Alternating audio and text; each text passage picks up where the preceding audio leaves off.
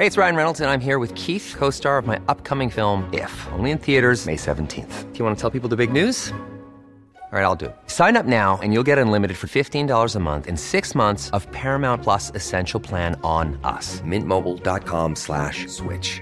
Upfront payment of $45 equivalent to $15 per month. Unlimited over 40 gigabytes per month. Face lower speeds. Videos at 480p. Active Mint customers by 531.24 get six months of Paramount Plus Essential Plan. Auto renews after six months. Offer ends May 31st, 2024. Separate Paramount Plus registration required. Terms and conditions apply if rated PG. I'm Sandra, and I'm just the professional your small business was looking for. But you didn't hire me because you didn't use LinkedIn jobs. LinkedIn has professionals you can't find anywhere else, including those who aren't actively looking for a new job but might be open to the perfect role, like me.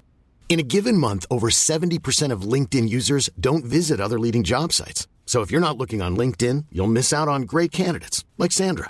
Start hiring professionals like a professional. Post your free job on linkedin.com/people today.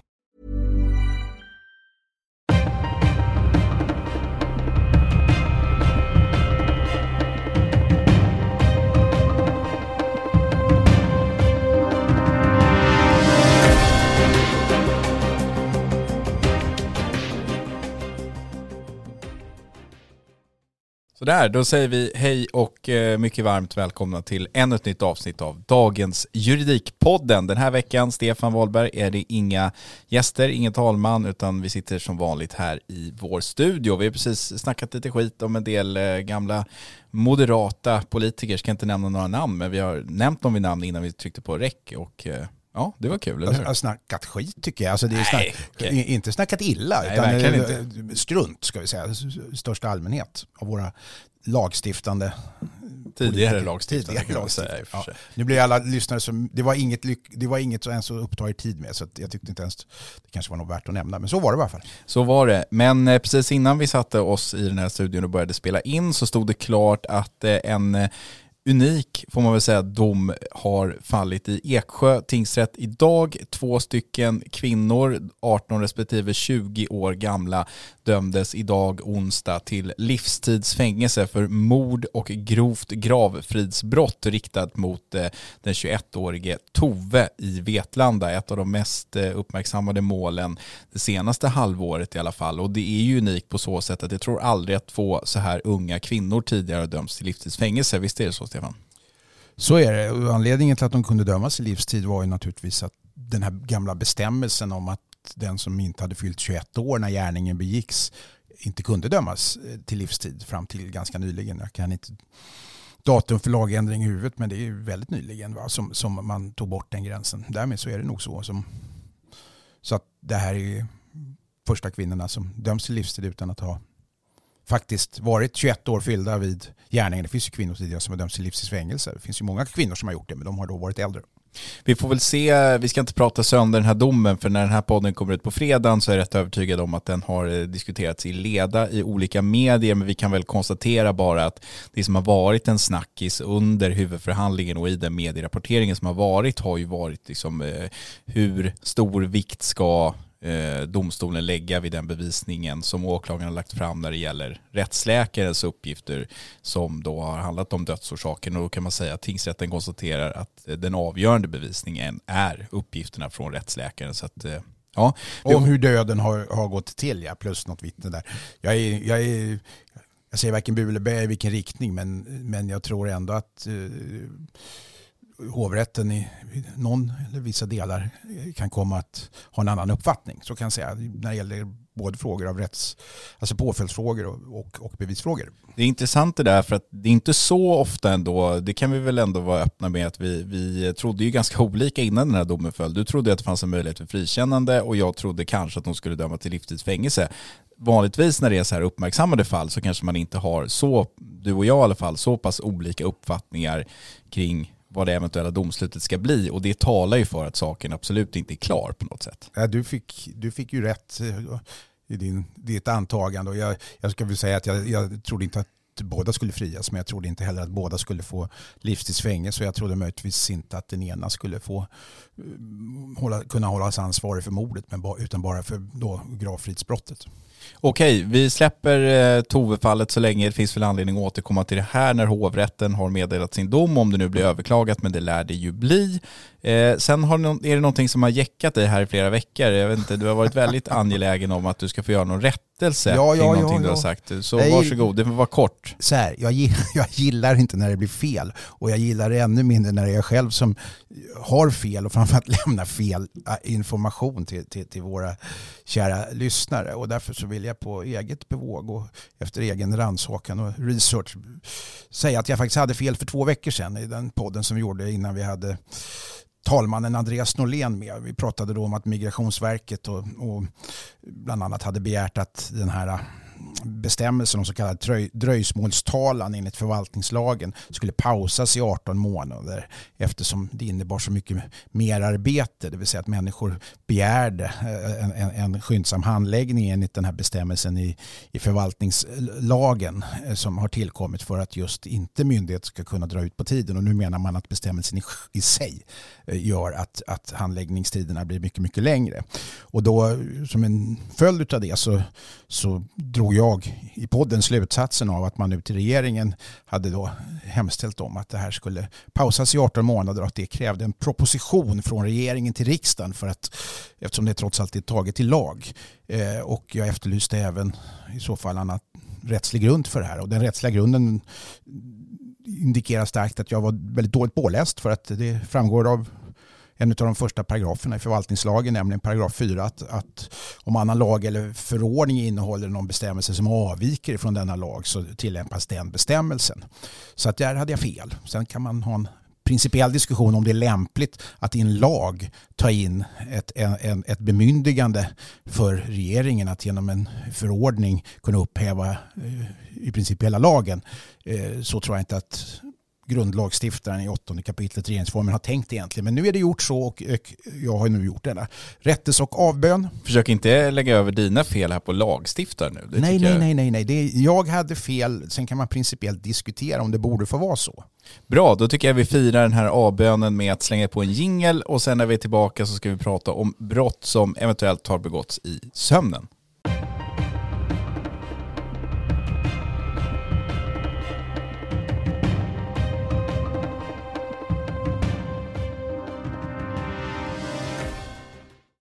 För att eh, i veckan på Dagens Juridik så har vi skrivit om ett fall som nu ska prövas i Högsta domstolen. Och det handlar om en läkare i 70-årsåldern som i både tingsrätten och hovrätten dömdes till en månads fängelse för grovt rattfylleri. Men domstolarna var här i sina domar oeniga i frågan om mannen sovit under körningen eller inte. Han eh, körde på något sätt in i någon rondell i, eh, ute i Österåker i norra, utanför norr om Stockholm helt enkelt. Och blev ju stoppad där av polis till slut och fick ju blåsa och hade väl 1,43 promille alkohol i blodet och han hade också intagit Solpidem som är en narkotikaklassat läkemedel som han då hade skrivit ut till sig själv för han var ju läkare så att han var påverkad av både Solpidem och alkohol. Han hävdade själv att han måste ha utfört den här bilfärden i sömnen. Tingsrätten, en majoritet där, ansåg att ja, han har kört i sömnen men han ska dömas ändå för brottet. Två personer var skiljaktiga, bland annat rådmannen och eh, dessutom en nämndeman ansåg att nej, han har inte kört i sömnen. Hovrätten gick senare på den här skiljaktiga rådmannens linje och konstaterade att nej, det är inte troligt att han har sovit när han har kört, men de fastställde ändå Eh, domen på en månads fängelse och nu ska alltså Högsta domstolen pröva frågan om mannens eventuella uppsåt till det här grova rattfylleriet. Stefan, det är ganska vanligt faktiskt nu för tiden att eh, personer som åtalas för brott kommer med den här invändningen om att brottet har begåtts i sömnen. Och det är ju faktiskt så att ibland så går ju sådana invändningar hem. Det är inte helt ovanligt att man faktiskt frias på den grunden. Det gäller ju våldtäkter och det kan gälla den här typen av rattfyllerier eller andra typer av brott som begås i trafiken och sådär. Eh, borde man kunna frias på den grunden? Ja, alltså det, fram, det framgår av ut, utav uttryckligen i brottsbalken att man inte kan hållas ansvarig straffrättsligt för en gärning som begås i, under sömn. Det är, ju- det, är, det är som en utgångspunkt naturligtvis. Sen är det en bevisfråga huruvida man verkligen sov när gärningen begicks.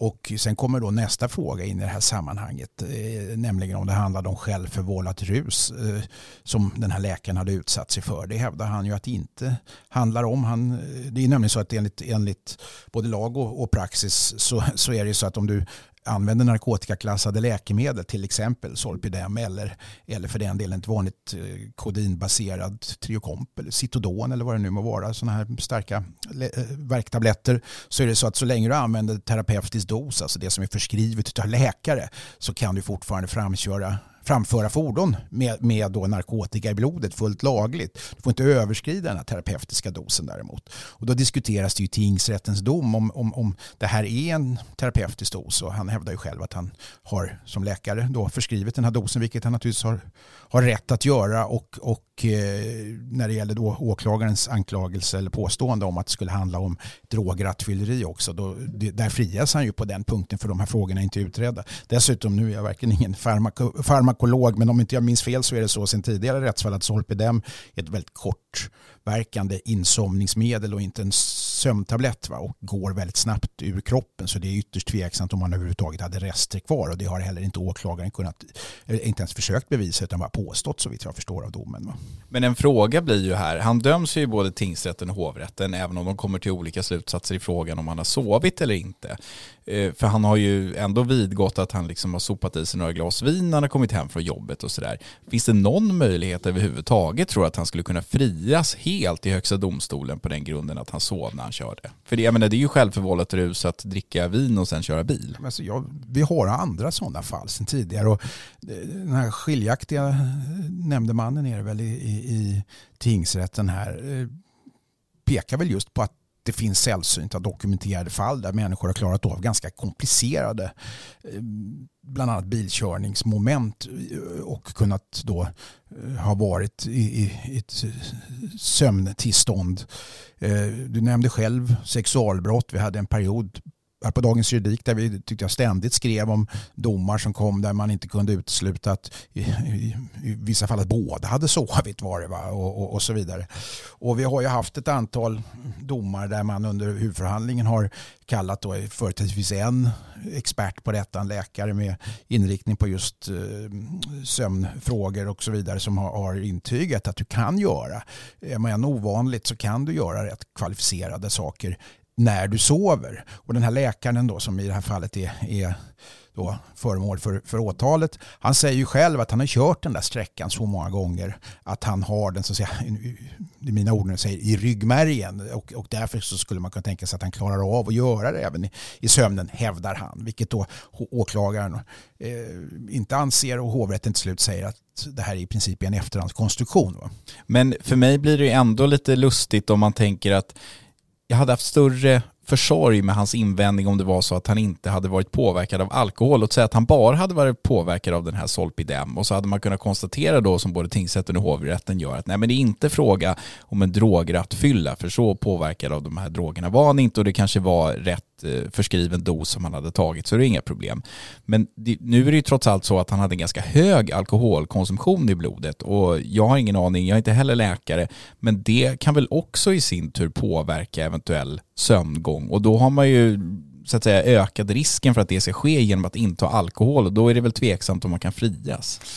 Ja, alltså, hovrätten i sin fällande dom pekar ju på det som läkaren själv använder till sitt försvar, nämligen att han är en erfaren läkare med specialisering inom just de här områdena och själv är kapabel att förskriva eh, och i det här fallet då den dubbla dosen utifrån vad FASS föreskriver. Men det kan ju läkare utifrån det som kallas för off-label förskrivning gå utanför ändamålet eh, för sina patienter och i det här fallet för, för sig själv som patient i och för sig. Va?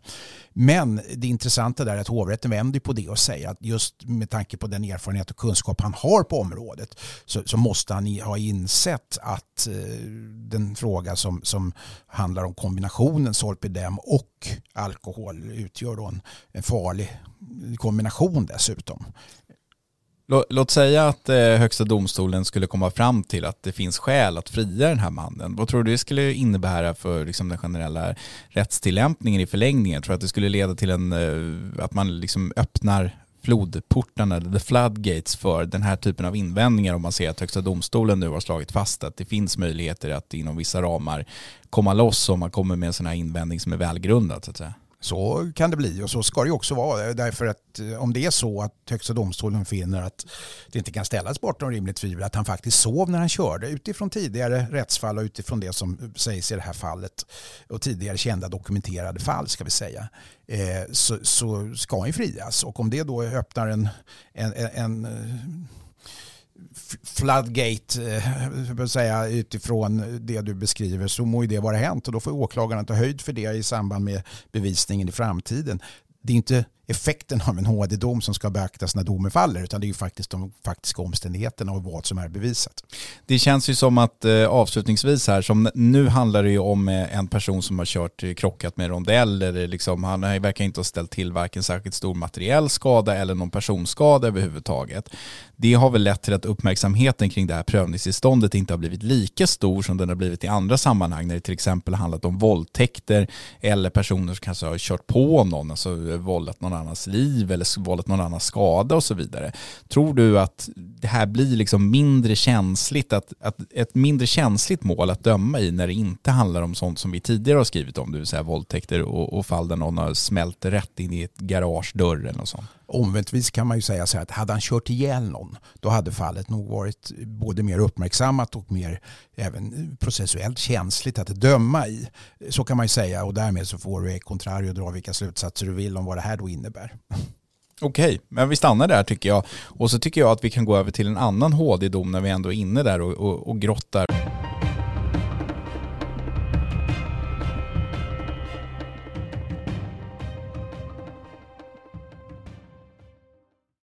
Ja, vi stannar alltså i Högsta domstolen och ska nu prata om ett nytt avgörande om kränkningsersättning som kom förra veckan och det har bäring på den nya lagstiftning om kränkningsersättning som trädde i kraft under förra sommaren och då kan man väl säga att det grundläggande syftet med den liksom, reformen på kränkningsersättningsområdet var att man påtagligt ville höja nivåerna på kränkningsersättningen. Man pratade om att normalt skulle röra sig om en fördubbling och detta då i syfte att ersätta ersättningen skulle stå i samklang med rådande värderingar som man så fint har skrivit i de här förarbetena. Så det är väl jättebra på det sättet.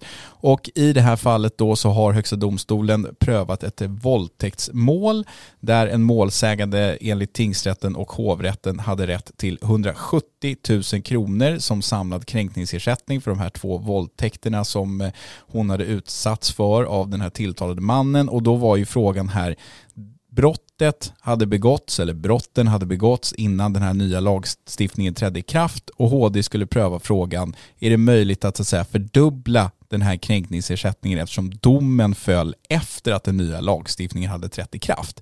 Men nu kommer ju Högsta domstolen fram till att nej, vi ska inte ägna oss åt den typen av retroaktiv tillämpning. Men då är frågan Stefan, varför tror du att de ens prövade det här målet? För jag menar, någonstans är det ganska självklart för de flesta som håller på med juridik att vi sysslar inte med retroaktiv tillämpning i Sverige. Nej, alltså jag, man ska ha klart för sig att ett av justitieråden faktiskt är skiljaktig i den här domen, Svante och Johansson. Eh, så att så, så, så klockrent är kanske inte rättsfrågan i sig och som du själv säger då kanske inte HD hade lyft det här ärendet till ett prejudikatsmål heller. Men, men man väger ju då i princip den grund, grund, grundregeln som du nämnde, nämligen att det handlar om retroaktiv tillämpning mot det faktum att en, ett skadestånd, en kränkningsersättning trots allt handlar om någon form av skönsmässig bedömning som ska göras utifrån tidens krav, tror jag de uttrycker det i, i, i HDs dom. Eh, men den grundläggande principen trots allt eh, tar överhand här. att eh, Förutsägbarhet och, och, och i någon mening legalitetsprincipens eh, skugga över det här som trots allt är ett brottmål gör att, att man landar i slutsatsen att vi kan inte retroaktivt tillämpa en, en lag en, en, en lagbestämmelse som, som, det här handlar om rättstillämpning helt enkelt och då, då kan man inte helt fritt göra ett ställningstagande. Men om man pratar om förutsägbarhet när det gäller straffrätt så kan man ju på ett sätt förstå att så här, är det vid dags dato, onsdagen den 19 april, så att en våldtäkt ska ge minimum två års fängelse och maximum sex års fängelse. Bara, bara rent teoretiskt här nu. Och så begår man en våldtäkt, ja då ska man ju känna till att det är där någonstans i häraden som, som eh, fängelsestraffet ska landa. Men när det gäller kränkningsersättning så kan jag tänka mig att jag åtminstone känner att det vore rimligt att man kanske hade lite större svängrum när det gäller den retroaktiva tillämpningen. Jag menar det kanske inte är det första man tänker på när man begår ett brott. Medan ett eventuellt fängelsestraff eller en annan påföljd snarare är någonting som man skulle kunna väga in som en potentiell gärningsman. Nej, det var därför jag sa också skuggan, legalitetsprincipen skugga. För när det gäller straff straffet, påföljden för brottet så är det fullständigt klockrent. Det skulle aldrig ens diskuteras huruvida man retroaktivt kunde tillämpa en ny lag på en gärning som var begången före ikraftträdandet av den lagen. Men det är ju som du säger, alltså skadeståndsfrågorna här blir ju ändå de är inte digitala och formella på det sättet som ett straffbud är, utan de är, det är ändå någonting som ska säga, fastställas och spegla kränkningen i det här sammanhanget. Men ändå så får det den här, den här slutsatsen då av Högsta domstolen. Man kan ju tänka också i tider av eh, mycket diskussioner kring inflation och annat så kan man ju leka med tanken att man utsätts för ett brott eh, liksom som där domen kommer 10-15 år senare är det då rimligt att man ska ersättas för kränkningen som om det vore 90-tal. Det blir också nästan lite larvigt ju. Ja, fast din fråga är ju mer intressant än vad den möjligtvis i förstone framstår som. Därför att när det gäller brott så har vi som bekant preskriptionstider och i vissa fall så är de inte bara väldigt långa upp till 15 år utan de kan saknas helt när det gäller mord och så vidare. Och det skulle kunna slå ganska konstigt om man då å ena sidan under så långa tider som kan förflyta, förfly, för, förflyta mellan gärningen och en lag lagföring skulle kunna ha lagändringar som då tillämpas retroaktivt utifrån att tidens anda har förändrats eh, och så vidare. Jag, jag tror att det är det man siktar på i HD. Samtidigt så, så jag vet inte om man skulle ligga sömnlös för en, en, en viss tillbakablick eller en viss justering uppåt för ett brott som då enligt vår nuvarande uppfattning är om det är mer kränkande nu än det var före lag, eh, lagändringen, det, det, det är fel att säga, men nu har i alla fall lagstiftaren ansett det. Jag tror också under pågående inspelning här faktiskt att jag eventuellt har lyckats eh, lösa gåtan kring varför Högsta domstolen eh, valde att pröva det här målet. För i den här domen som man nu publicerade förra veckan så hänvisar man tillbaka till ett gammalt avgörande och där konstaterar faktiskt Högsta domstolen att man i en dom från 2016 slagit fast att man som utgångspunkt eh, Eh, ska bestämma kränkningsersättningen efter de principer som gäller vid tidpunkten för domstolens bedömning, alltså själva domstillfället. Och jag menar, då går man ju rakt på tvärs emot sitt tidigare avgörande här då i det nya. Ja, jag, jag, jag, känner faktiskt inte till det. Jag, jag har i och för sig läst domen men jag, jag, och jag ser att de har tillämpat eller hänvisat till den där. Och då lyckades jag hitta den här under pågående, under pågående inspelning. Och det är ett plenumavgörande, det vill säga ett avgörande från Högsta domstolen där samtliga justitieråd eh, deltog under 2016 och det är fullt med skiljaktiga meningar. Och det finns ett eget tillägg från dåvarande ordföranden justitieråd Stefan Lindskog som konstaterar då i slutet där att genom avgörandet så har Högsta domstolen slagit fast att som utgångspunkt ska kränkningsersättning bestämmas efter de principer som gäller vid domstillfället. Så att då går man ju alltså helt enkelt på tvärs från det avgörandet. Men det är ju, alltså, summa summarum av det här så det blir lite kaosartad diskussion. Ja, men det är bra. Med nya uppgifter. Ja, det kan det bli.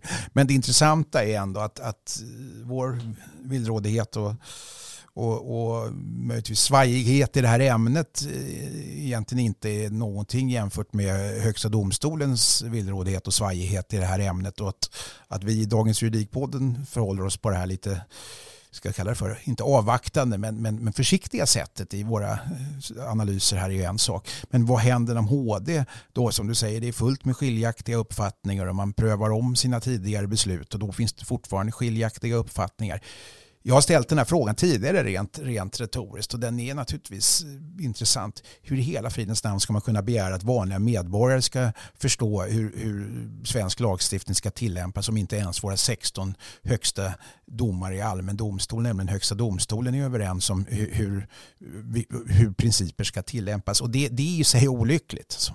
Stefan Lindskog skriver som i en avslutande punkt i då sitt egna tillägg till den här 37 sidor långa domen att han avslutningsvis avslutningsvis vill tillfoga att han då eh, med sin, eh, sitt egna tillägg inte har tagit ställning till hur man bör se på de berörda följdverkningarna av det förevarande avgörandet utan att han bara helt översiktligt övervägt några tänkbara följdfrågor och antytt hur de möjlig, möjligen skulle kunna hanteras. Jag menar det han skriver där är ju så här att vårt avgörande från Högsta domstolen går inte att tolka eh, helt självklart. Det kan uppkomma väldigt många följdfrågor. Jag kan inte svara på dem. Vi får se hur det lös i rättstillämpningen. Alltså jag, jag har största respekt för Stefan Lindskog och, och för övrigt övriga justitieråd också, inte minst Svante och Johansson som är skiljaktig i den här meningen. Det här handlar inte om, om, om det utan det handlar om så där, Högsta domstolens funktion och, och, och dess i övrigt ganska stringenta hållning när det gäller att förklara varför man dömer som man gör. Det, det blir liksom en stark eh, skugga över det eh, som en våt filt när man då inte kan ge en entydig bild av hur grundläggande rättsprinciper faktiskt ska tillämpas i praktiken. Och det är det här, alltså tidigare var i alla fall uppemot en tredjedel, 30 procent av Högsta domstolens avgöranden fanns det skiljaktiga ledamöter i. Och det, det, jag anser inte att det, är, att det är bra. Då kommer vän av ordning och jag vet justitieråd som jag diskuterat det här med säger, rycker på axlarna och säger ja, det bevisar bara att juridiken inte är matematik utan att det finns olika sätt att se på det. Och det vet jag inte om jag blir gladare eller mer ledsen över. Jag instämmer förvisso i, det, i den synen på juridiken. Därför att det är inte matematik. Ett plus ett blir inte alltid två i juridikens värld. Även om väldigt, väldigt många jurister och alldeles för många jurister inte bara gör anspråk på att det skulle vara så utan också verkligen tror på att det alltid finns ett entydigt svar. Men det visar ju de här frågorna med stor tydlighet att det faktiskt inte gör. Vore det inte också lite konstigt om man som justitieråd satt med i en sån här överläggning i en fråga där man inte delade majoritetens uppfattning om man inte skrev sig skiljaktig. Alltså då skulle vi, tycker inte jag, ha en fungerande högsta domstol om man inte som justitieråd vågade visa att nej, men jag håller inte med majoriteten här. Jag tycker helt tvärt emot. Självklart så är det så att du ska utifrån ditt domarämbete och avlagda domared och din egna övertygelse döma som domare vare sig det är i underrätt eller i, i högsta domstolen eller högsta förvaltningsdomstolen var du än sitter. Det är inte det jag säger, jag bara säger att det är olyckligt och jag menar inte att man ska foga sig efter att det är olyckligt utan jag menar snarare att vi kanske måste acceptera och konstatera att det är så och då kanske även prejudikatsvärdet utav HDs avgöranden som är skiljaktiga inte ska tillmätas det stor, den stora betydelse som, det, som de faktiskt eh, har eh, för underrätternas eh, rättstillämpning och i största allmänhet i den juridiska diskussion som för, för, för sig går. Om det inte är eniga ledamöter i Högsta domstolen så kanske det inte är så självklart som det då trots allt brukar framställas som bara för inom citationstecken majoriteten har, har, har tyckt på ett visst sätt. I synnerhet i ett avgörande som har gjorts i, i ett pleniavgörande där liksom alla justitieråden har varit med och det finns skiljaktiga meningar i alla riktningar. Men då kommer ju nästa fråga, vad ska, vad ska underrätterna luta sig åt då, eller mot då? Om inte ens Högsta domstolen kan torka förarbetena och annat som man ska göra när man sitter i Högsta domstolen och ska komma fram till ett beslut i ett sånt här prejudikatsmål, vad, vad ska underrätterna luta sig mot? Fast du som är väl utbildad inom rättssociologi vet ju att de här tillämpningsfrågorna blir avgörande inte bara för hur rättstillämpningen rent juridiskt ska gå till utan också för sådana viktiga frågor som har med till, alltså tilltron till rättsväsendet och domstolarna och hur människor faktiskt ska följa och, och, och själva Eh, se på hur lagar ska tolkas och tillämpas även om man kanske inte i vardagligt tal använder de här uttrycken så är det ju väldigt viktigt ur ett rättssociologiskt perspektiv att, att man att, att det framstår som där det är så, så, så, i vart fall eh, tydligt som möjligt därför att skyldigheten för var och en att känna till rådande rättsläge är det är tydligt fastslaget. Jo men då får man väl tänka att det räcker med att en majoritet av de som har dömt i målet av Högsta domstolens justitieråd tycker så. Ja det är så. Då får väl det väga tillräckligt tungt ja. för att det ska anses vara fastslaget att så är fallet. Ja så är det och sen finns det ju ett litet fikonlöv i hela den här diskussionen som riskerar att dra ner brallorna på, på juridiska etablissemanget nämligen att man alltid kan hänvisa till att det är eh, det specifika fallet har olika eh, omständigheter som ska beaktas hit och dit och det ska jämkas och det ska ses eh, försvårande och förmildrande och så vidare i olika riktningar. Så, att, så kan man ju alltid till slut. Jag, jag bara konstaterar att det är så här. Jag säger inte att det borde vara på ett annat sätt egentligen utan jag bara säger att så här är det och det får vi kanske förhålla oss till och leva med. Så är det. Låt oss slänga på en jingel igen och så ska vi gå vidare och eh, prata om domstolarnas sunda förnuft när man lät en påstådd plankare slippa undan avgiften för detta.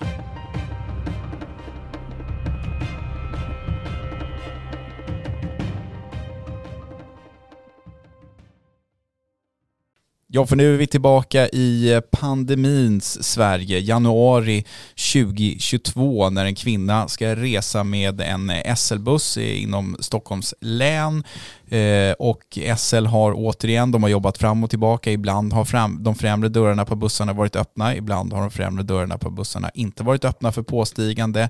Och vid det här tillfället hade man då bestämt sig igen för att nej, vi ska stänga de främre bussdörrarna, alla får gå på där bak.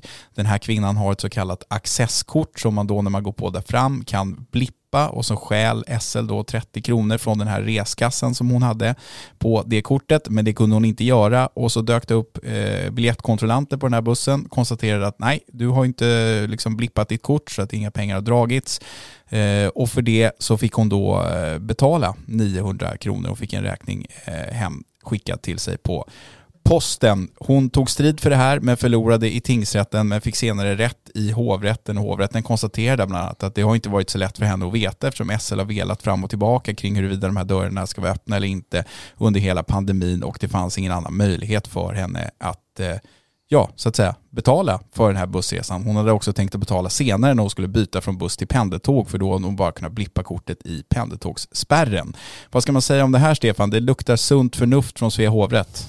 Ja, det här gillar jag. Jag gillar ju sånt här när, när man då inte är så så, så, så, fyrkantig som man många gånger kan tycka att det kan se ut som när det är en så kallad institutionell part, stor koloss som SL mot den lilla eh, människan i det här sammanhanget. Och, och, och det är för henne, jag ska säga, det var 900 kronor i, i ansökningsavgiften till, till, domstolen som, som är, eh, du pratar om.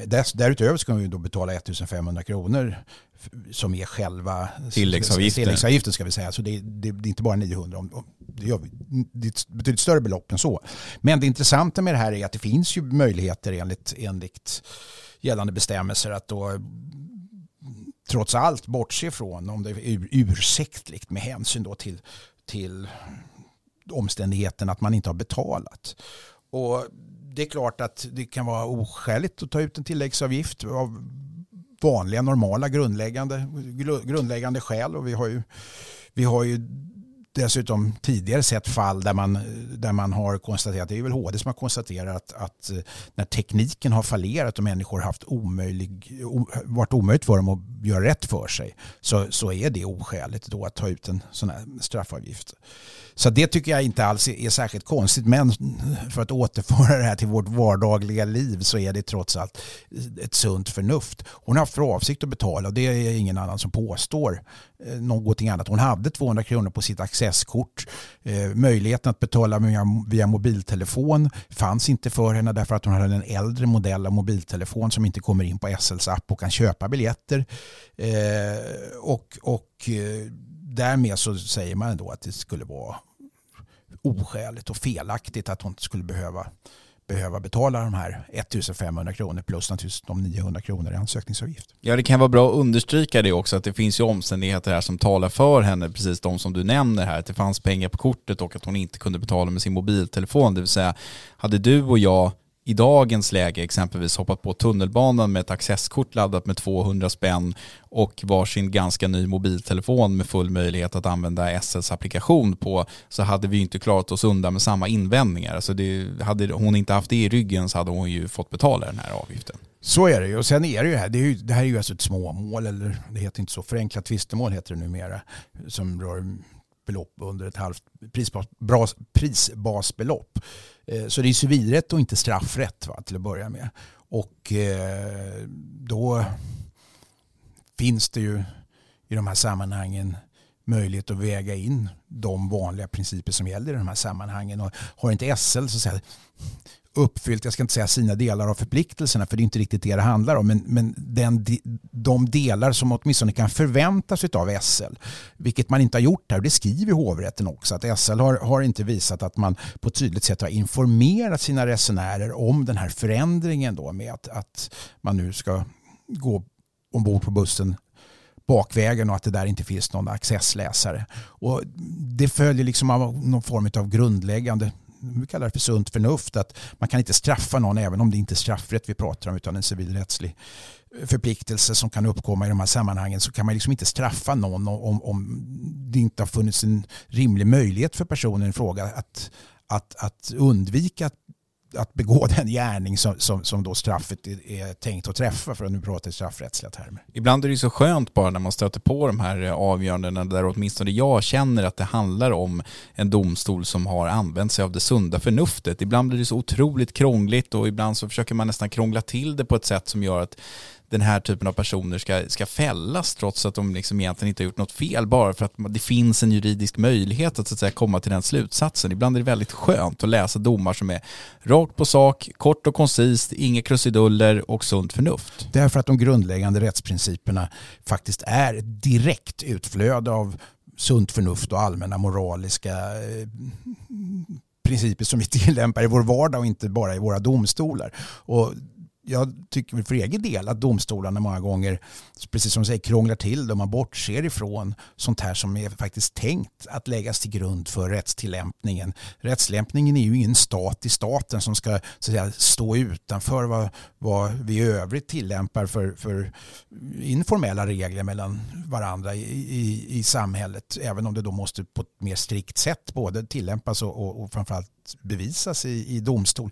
Så jag, jag, tycker att det, jag tycker att det är rimligt. Därutöver så tycker jag att, att hovrättens dom eh, i det här sammanhanget signalerar någonting som också jag blir glad av att se. Nämligen att det som jag brukar tjata om i en papegojas envishet, det, det, det, det här konstiga institutionella övertaget som en, en part som till exempel SL många gånger kan få. Det gäller banker, det gäller försäkringsbolag, det gäller flygbolag och så vidare. Domstolarna har någon, någon här, större respekt för vad de påstår. Jag har själv läst domar där man en tvist mellan en privatperson och ett, ett, ett stort börs, börsnoterat svenskt bolag i tingsrätten konstaterade att den bevisning som, som bolaget hade lagt fram, även om bevisningen i sig objektivt sett inte höll, så skrev man att det framstår som osannolikt att ett så stort bolag skulle fara med, fara med osanning i en sån här fråga. Hovrätten gick även i det sammanhanget eh, på den enskildes eh, linje, precis som i det här fallet, och rev upp tingsrättens dom och, och, och gav den enskilde rätt, vill jag påpeka.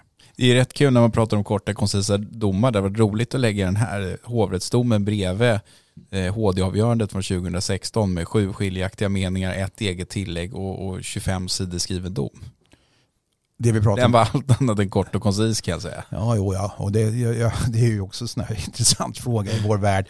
Domskälskrivning därför att den, jag är också barnsligt förtjust i när det kommer sådana domar som på några sidor. Det kan man inte göra i komplicerade mål. Men jag tycker att Högsta domstolen har en, en förmåga många gånger att faktiskt på ett klart och tydligt sätt, i varje fall förhållandevis klart och tydligt sätt uttrycka de principer som man kommer fram till. Nu kastade vi lite, lite smuts i maskineriet här i vår tidigare diskussion. Men när det gäller domskrivningar så kan man säga att Högsta domstolen är i många avseenden och väldigt ofta ett gott föredöme för sina underrätter i det avseendet. Va? Och man kan framförallt säga att de har ju utvecklat sitt sätt att skriva domar sedan 2016 avsevärt. Det kan jag ju säga nu när jag, nu var det länge sedan jag läste liksom ett äldre HD-avgörande som det här.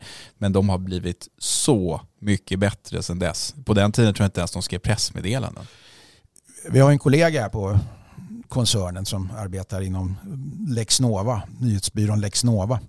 Han har en perm med, med, som heter Roliga permen där han genom en stort antal år som arbetande jurist och skribent här på, på det här företaget har samlat på sig avgöranden som är så här värda att behålla för eftervärlden. En del eh, är det roliga skrivningar, andra är roliga därför att de är så komplicerade så att de är fullständigt obegripliga. Och en av dem kommer från Högsta domstolen som sitter i hans perm. Nu minns jag inte, det ligger långt tillbaka i tiden. Men jag har försökt läsa det stycket och jag är ganska van att läsa och, och, och, och titta på den här typen utav, utav handlingar. Och jag förstår inte vad det är de skriver. Jag förstår inte vad Högsta domstolen i det fallet som är, jag tror att det är 15 år gammalt, vad det är de egentligen skriver. Och nu minns jag inte för jag har inte sett fallet på länge men det var ett stort antal negationer eh, och, och, och inskjutna bisatser på ett sätt som man var tvungen att räkna. Vad menar de egentligen? Det är helt borta. Jag, så vitt jag känner till så har, har man arbetat hårt med det här. Eh, jag ska inte säga ingen nämnd och ingen glömd, men jag vet att en som i varje fall i straffrättsliga sammanhang har varit med och påverkat det här mycket var före detta justitierådet Martin Borgeke som är gammal hovrättsdomare och, och, och väldigt straffrättsinriktad. Eh, som sagt, det finns många andra justitieråd som också har tagit tag i de här frågorna, men det tycker jag är bra. Ja, verkligen. Anders Eka, ordföranden och inte minst Gudmund Toyer, känd för många som den som nu har reformerat svensk arbetsrätt bland annat. Han är väldigt engagerad i de här frågorna och har drivit olika seminarier och liknande. Du Stefan, vår tid börjar ticka ut. Vi kan väl säga när det har varit så himla mycket Högsta domstolen i det här avsnittet att den här veckan så har det också kommit in två stycken nya sådana, nämligen den tidigare riksåklagaren och presidenten Svea hovrätt eh, Anders Perklev och civilrättsprofessorn Margareta Brattström. Så lite färskt blod in i Högsta domstolen, det mår de inte dåligt av. Nej, och jag, jag, ska säga som jag brukar säga, jag har alltid sagt det så länge jag varit i den här branschen, att eh, jag skulle gärna se att Högsta domstolens ledamöter tar ännu större utrymme i, i den allmänna samhällsdebatten och inte stänger in sig i en bubbla, vilket jag inte påstår att de längre gör, men att de inte stänger in sig i en bubbla eh, där, där deras avgöranden så att säga, står för sig själva utan faktiskt eh, ska vi säga, reflekterar över att det, deras arbete är just ett utflöde av den politiska eh, diskussionen och den demokratiska debatten som sen så här, paketeras i form av lagstiftning och sen tillämpas i våra domstolar. Vad fint du beskrev det. Jag vet Var att de söker en kommunikatör på Högsta domstolen. Nej, nej, du kanske kan tack. få jobbet. Nej, jag är inte intresserad. Men tack så mycket. Gör de det? Ja. ja det Eller jag vet inte om de söker, men de sa att de skulle anställa i alla fall. Skitsamma säger jag. Nu tackar vi för oss idag. Tack Stefan. Eh, tack alla lyssnare. Vi hörs om en vecka igen. Glöm inte att mejla oss podden at dagensjuridik.se. Hej!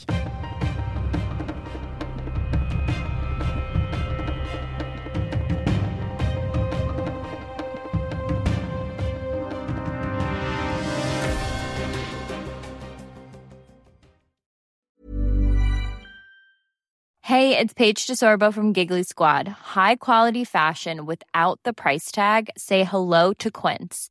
I'm snagging high-end essentials like cozy cashmere sweaters, sleek leather jackets, fine jewelry, and so much more. With Quince being 50 to 80% less than similar brands.